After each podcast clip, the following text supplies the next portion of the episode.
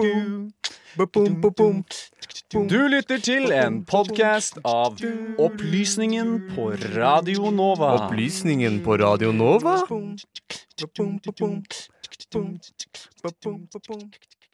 Konflikten mellom Israel og Palestina er en av de vanskeligste, om ikke den vanskeligste, det internasjonale samfunnet står overfor. Og har vært det nå helt siden skapelsen av den israelske staten på 40-tallet. Nå har Trump-administrasjonen, eller Trump-familien om du vil, kommet med sin løsning på konflikten. Trump-planen er bakteppet for dette intervjuet, utført med seniorforsker ved PRIO, Jørgen Jenshaugen.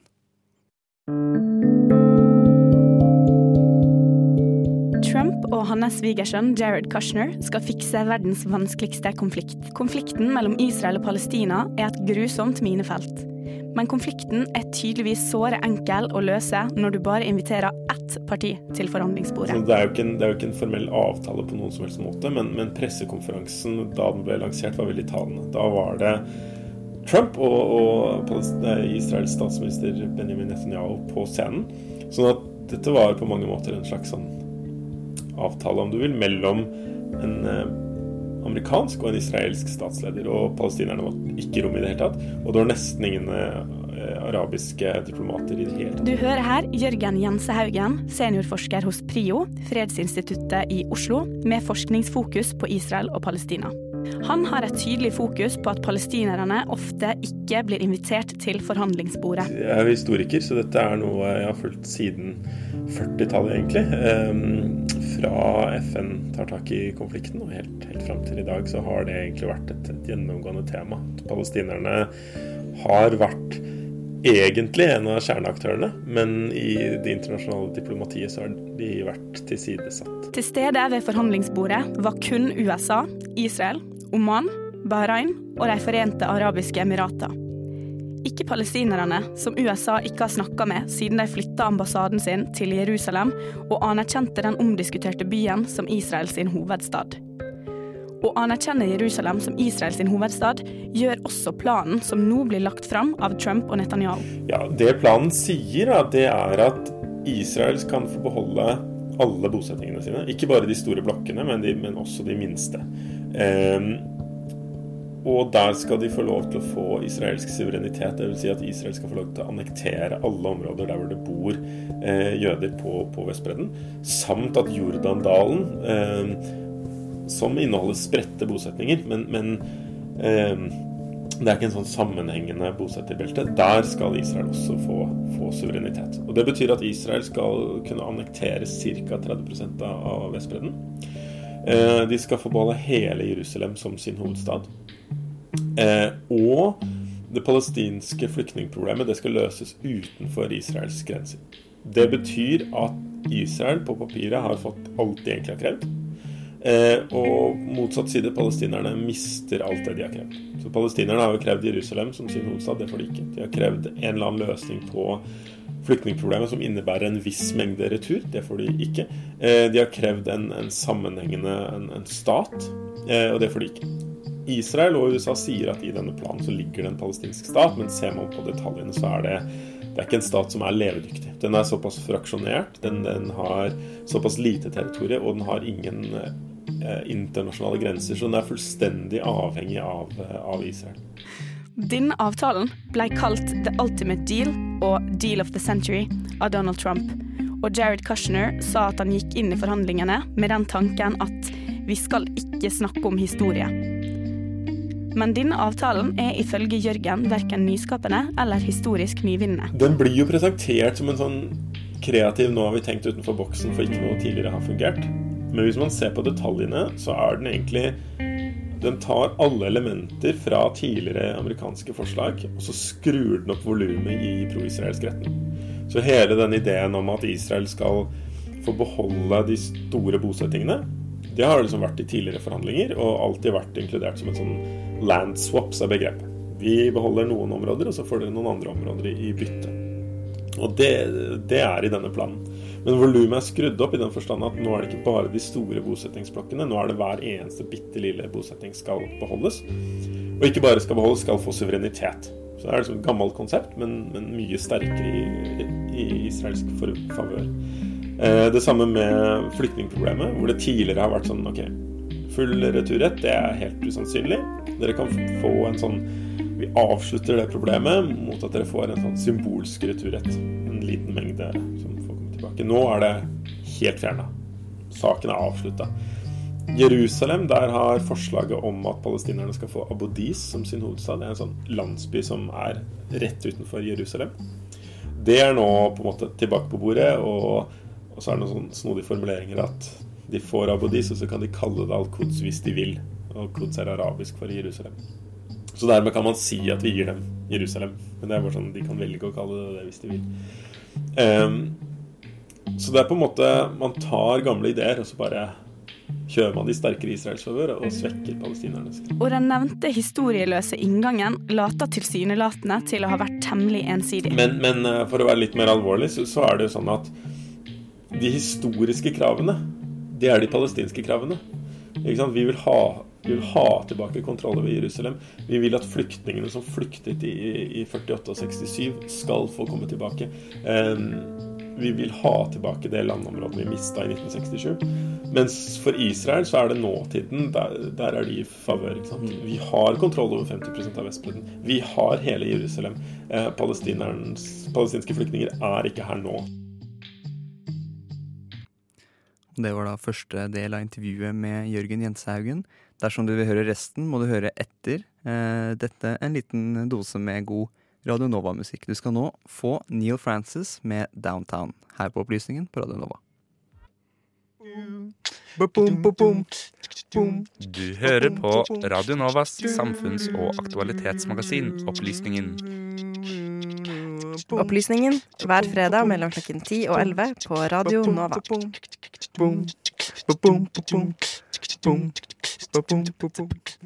Før den låta hørte vi med seniorforsker ved PRIO, Jørgen Jenshaugen, om Trump-administrasjonens nye avtale omkring Israel og Palestina. Du skal nå få høre resten av intervjuet.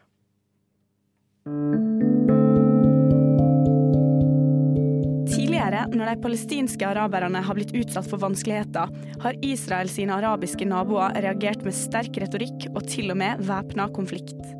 Jørgen mener regionen for øyeblikket står overfor for mange ressurskrevende konflikter til at denne israelsk-amerikanske planen vil merittere noen respons. Det er litt sånn at regionen nå er altså Den drukner i konflikter. Eh, Syria og Jemen er de, de, tydeligste, men så har du på en måte den, den større eh, proxykrigen mellom Iran og Saudi-Arabia om å på en måte bli regionens eh, stormakt. Eh, samt at hele dette eh, for regionens ledere, denne trusselen om, om folkelig opprør eller folkelige demonstrasjoner, den ligger der eh, latent. Eh, og, og, som vi ser dukke opp eh, om igjen og om igjen. Sånn at alle disse tingene får større relevans enn Palestina-problematikken. Det gjør at palestinerne er mye mer isolert enn de har vært på land. De har ganske enkelt ingen venner. Ehm, de arabiske statene støtter dem nominelt, eh, ved å komme med erklæringer og, og, og, sånne ting, men i praksis veldig lite.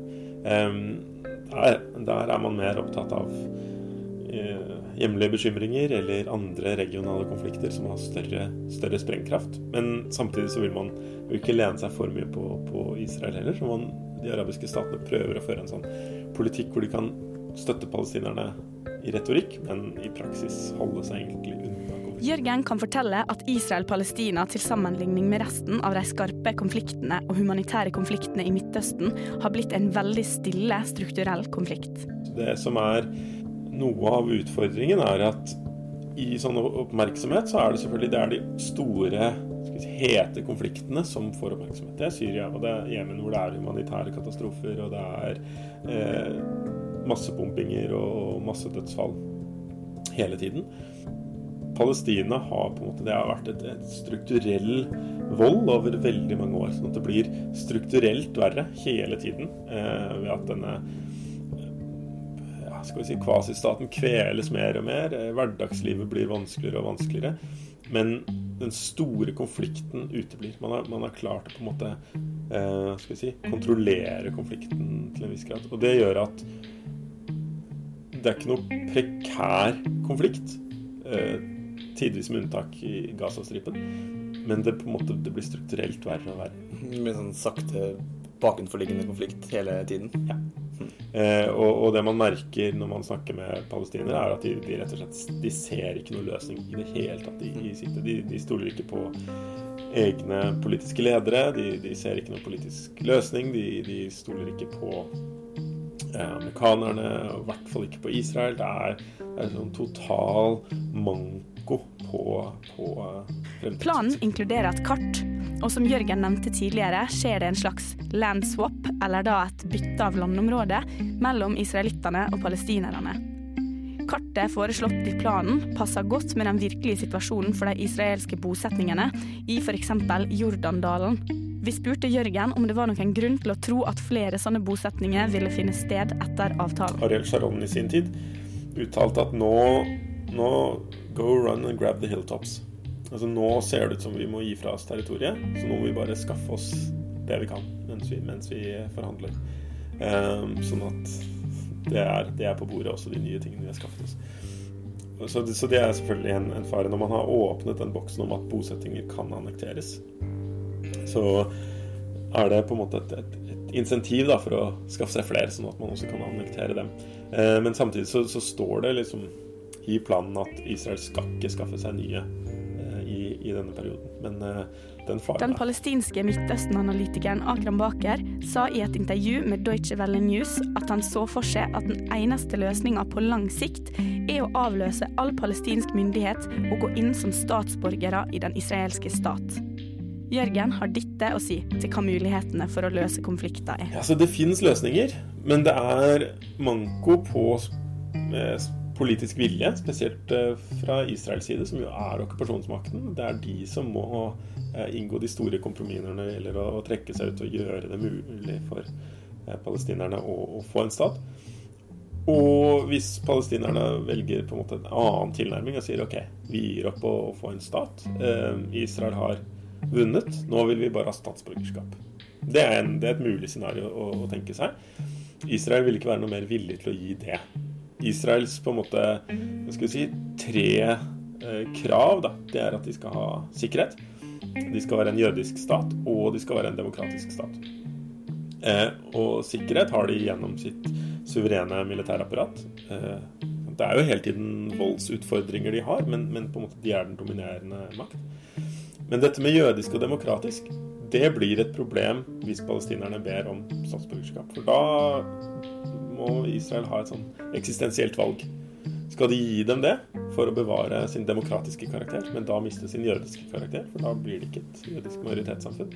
Eller skal de bevare sin jødiske karakter og, og eh, avsi seg sin demokratiske karakter og si nei, dere får ikke statsborgerskap? Fordi hvis palestinerne blir innlemmet i Israel, så er palestinerne i overtall? Nei, man har nådd ca. 50-50-punktet. Hvis man teller med Gaza. For Gaza pluss Vestbredden pluss de eh, palestinerne som bor i Israel, eh, da er man ca. 50-50.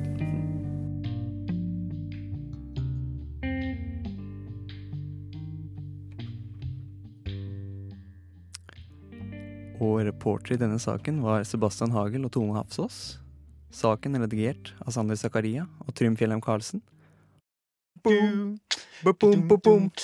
Du har nå hørt en podkast fra Opplysningen 99,3. Finn denne og tidligere episoder på Spotify, iTunes eller der du måtte finne dine podcaster ellers.